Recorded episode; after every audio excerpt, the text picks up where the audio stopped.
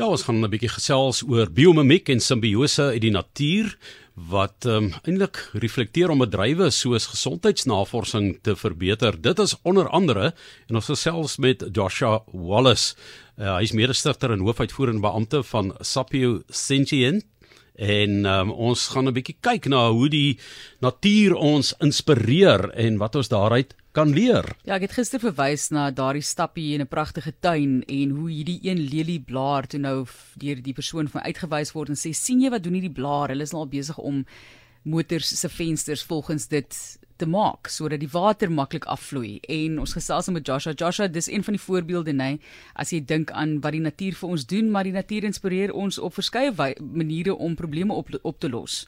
Nee, hallo daar Johan, Martelies en al die RSG luisteraars. Dis 100% reg wat jy daar sê. Om net 'n bietjie rond te stap in die natuur. Die natuur gee vir ons so baie inspirasie. As jy dink daaraan, daar is baie probleme. Jy het nou gepraat van die Russiese katte, maar meer ernstige probleme, die konflik in Oekraïne, klimaatsverandering, COVID-19, dit versnelling van tegnologie op ons indiensneming.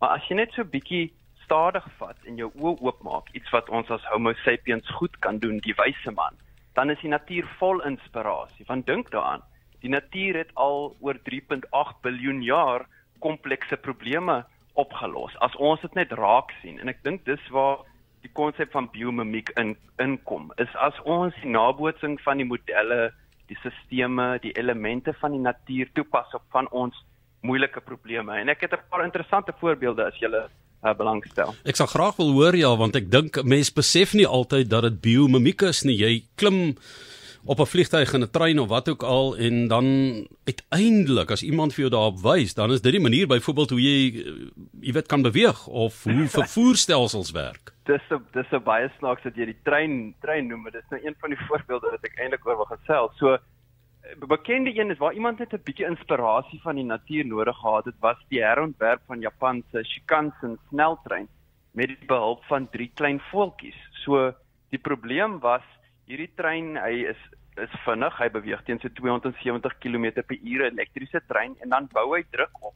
En soos wat hy deur die tonnels in die woonareas gegaan het, het hy hierdie tipiese boom boom gemaak wat natuurlik nie die mense baie beïndruk het nie. Wat soortgelyk het is as die manne met die cheetahs en die griffins daar op eysterplate bietjie te vinnig gaan, dan hoor jy daai soniese boom geluide. So dit is wat die mense maar meer gelewe het en toe kom die hoofbestuurder van die tegniese uh, ontwikkelingsafdeling, is 'n meneer Nakatsu met 'n oplossing. Want hy was 'n ywerige voelkyker en hy het na die lugdinamika van drie voeltjies nageboots om hierdie probleem van die boom met die treine weg te vat. So een het gekyk na die geraasverminderende tande en kromming van 'n uil se vere wat 'n uil in staat stel om so stille weg af te swaai om 'n prooi te vang, selfs 'n muis met sy skerp oortjies en daai het daai het hy gebruik om die vibrasie van die pantograaf minder te maak. So dis nou die deel waar die trein aan die elektriese kabels met mekaar uh, uh, verbind en dis waar baie van die geraas vandaan kom.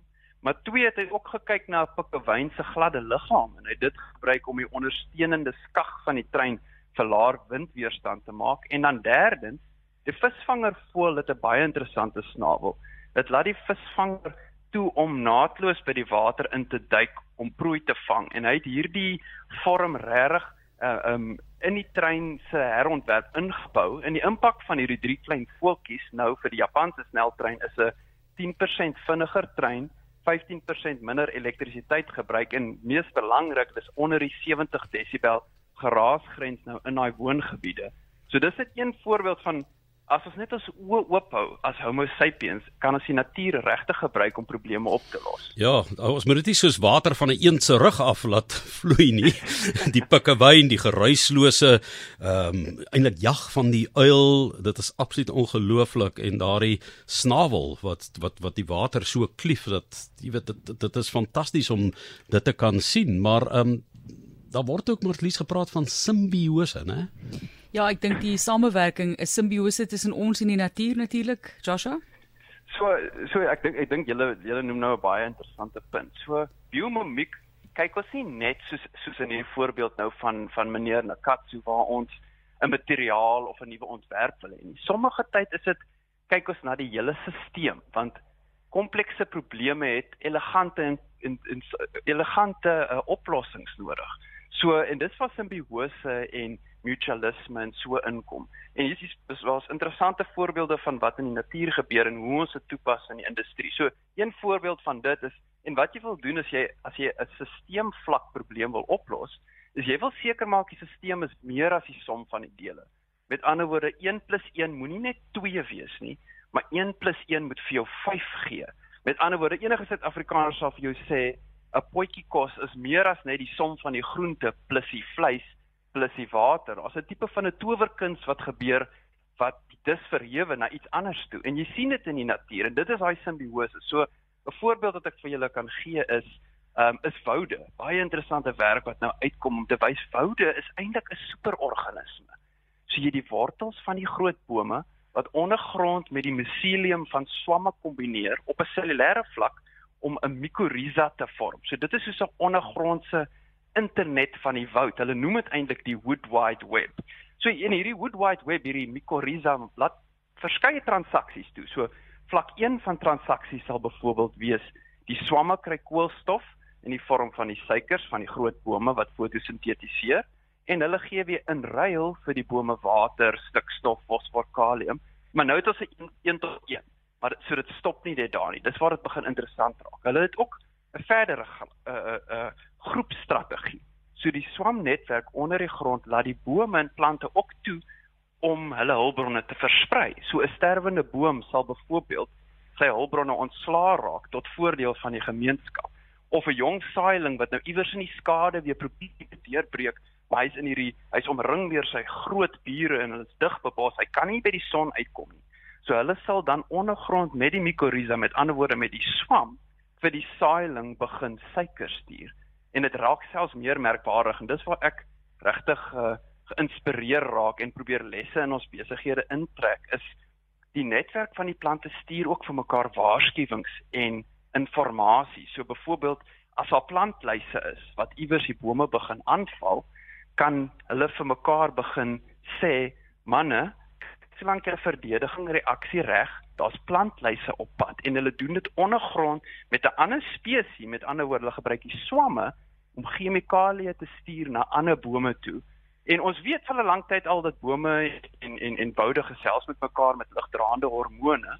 Maar wat baie interessant van hierdie tipe tipe inligting is, is dit is punt tot punt in hierdie mikonet en dit is baie geteken. Dis amper jy wil amper sê dis intelligente kommunikasie. So dit is vir my net 'n voorbeeld van simbiose en hoe baie ons het om te leer van as ons samewerkende verhoudings wil hê want dit is hierdie tipe resepte wat jy wat jy kan sien in 'n woud wat ons kan toepas om ons kom jy weet gekompliseerde ehm um, probleme op te los soos klimaatsverandering, ja. COVID of die konflik in Oekraïne. Jy Joshua het natuurlik ook al baie probleme oor see opgelos. Ons hoor jy het in Saudi-Arabië byvoorbeeld gewerk. Vertel vir ons van die projekte en van daai probleme wat jy moes oplos. Ja, dis maar dis dis maar moeilik om om projekte ehm um, probleme heeltemal op te los, maar ek sal miskien vir jou vertel van net 'n 'n stuk wat ek gedoen het in Denemarke. So daar's 'n baie interessante ehm um, konsep daar in die in die dorpie met die naam Kalundborg wat hulle nou al so vir 50 jaar industriële simbiose daar so hardloop. So daar is 'n ensiemvervaardiger en hy vat oorblywende prosesstoom van die munisipaliteit af in plaas van dat dit na die atmosfeer toe gaan. Dit maak dan weer sy fermentasie meer koste-effektief.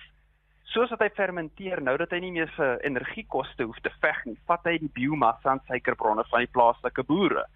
Ehm, um, so dit gee weer vir hulle afset. En na fermentasie het hy die proteïenryke gis wat hulle dan aan die varkboere gee om weer hulle voerkoste af te druk en en die ensiemvervaardiger se weggooi koste is nou weer minder. So so het hulle oor 50 jaar hierdie vertroue in innovasie daar in Kalundborg in Denemarke opgebou waar jy nou 'n heeltemal 'n ander manier van dink sien. So nie net help dit om die projekte van 'n kapitalistiese perspektief so in terme van groei en profit beter te maak nie, maar die ingenieurs begin ook op 'n stelselsvlak te dink. Hulle dink aan die netwerk, hulle hulle sit kapitaal op ander maniere uit.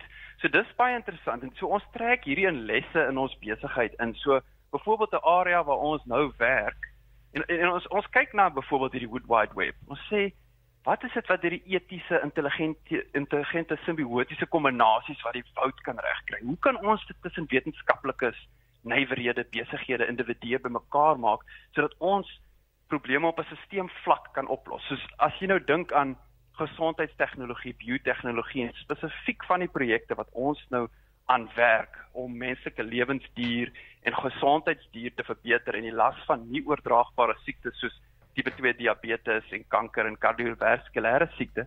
Hierdie is stelselvlak uh probleme want jy die pasiënt, sy biochemie, sy fisiologie, sy genetika, die kliniese praktisyn, die mediese fondse, die versekerings en hulle finansiële modelle.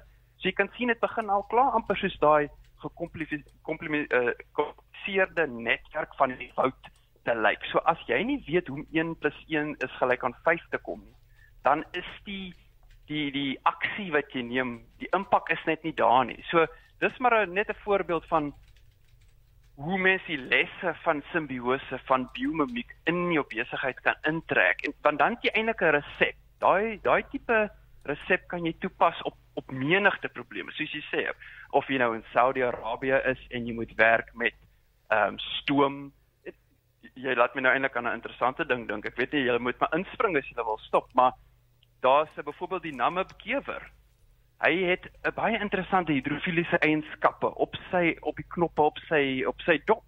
So hy staan homself in die mis in en dan met die hidrofilies en hidrofobiese eienskappe van sy dop vang hy dan die vogtige lug en hy stoor dit ook met kanaaltjies af sodat hy van dit gebruik kan maak. So hulle gebruik nou hierdie tipe dop ontwerp um, om verkoelingsstorings in warm gebiede soos in Saudi-Arabië en die uh, um, uh, Emirate um, te implementeer, so waterskaarse areas. So Dit is regtig interessant om te dink van kewer tot proses. Ehm um, 'n voorbeeld miskien 'n bietjie nader aan die huis. Daar's die Eastgate Center in ehm um, in in Zimbabwe en hulle het die gebou se verkoelingsstelsel gebou om soos ter, ter termiethoop te wees wat warm lug uitstoot met koue lug wat van onder af kom en dis wat termiethoope gebruik om die interne omgewing van die van die termiethoop uh, te beheer. So net die natuur gee eintlik vir ons eindelose inspirasie. Ons moet net ons vermoë om te kan sien. As jy dink aan wat is Homo sapiens of ons naam Sapio sentient, dis eintlik 'n woordspel op twee woorde. Sapio van Homo sapiens of die kundige man en sentient is hy is ons kenmerk, ons vermoë om te kan onderskei, om op te let. Vergie. As ons daai bymekaar bring en kyk wat is rondom ons, soos wat jy gesê het in die begin, stap bietjie rond in die tuin kyk na die lelie en dink 'n bietjie aan jou besigheid. Ja. Daar's miskien iets daar. Joshua Wallace, biomimiek en simbiose uit die natuur wat ehm um, reflekteer op bedrywe soos gesondheidsnavorsing. Jy het alles gehoor daar hier in die handel en in die wandel van ons uh, lewens. Baie dankie vir hierdie insiggewende gesprek en die interessante dinge dat ons maar met oop oë deur die wêreld moet loop en ons kan baie baie leer daaruit. En uh, Joshua Wallace is mede-stigter en hoofuitvoerende beampte van uh, Sapio Sentient en watse tipe ingenieur is jy? Is 'n goeie vraag. Ek is so 'n mengsel van 'n biochemikus en 'n chemiese ingenieur. Nou sê ons het hom en dankie vir jou gesels en sterkte vir al hierdie wonderlike projekte wat jy ekstraheer uit die natuur.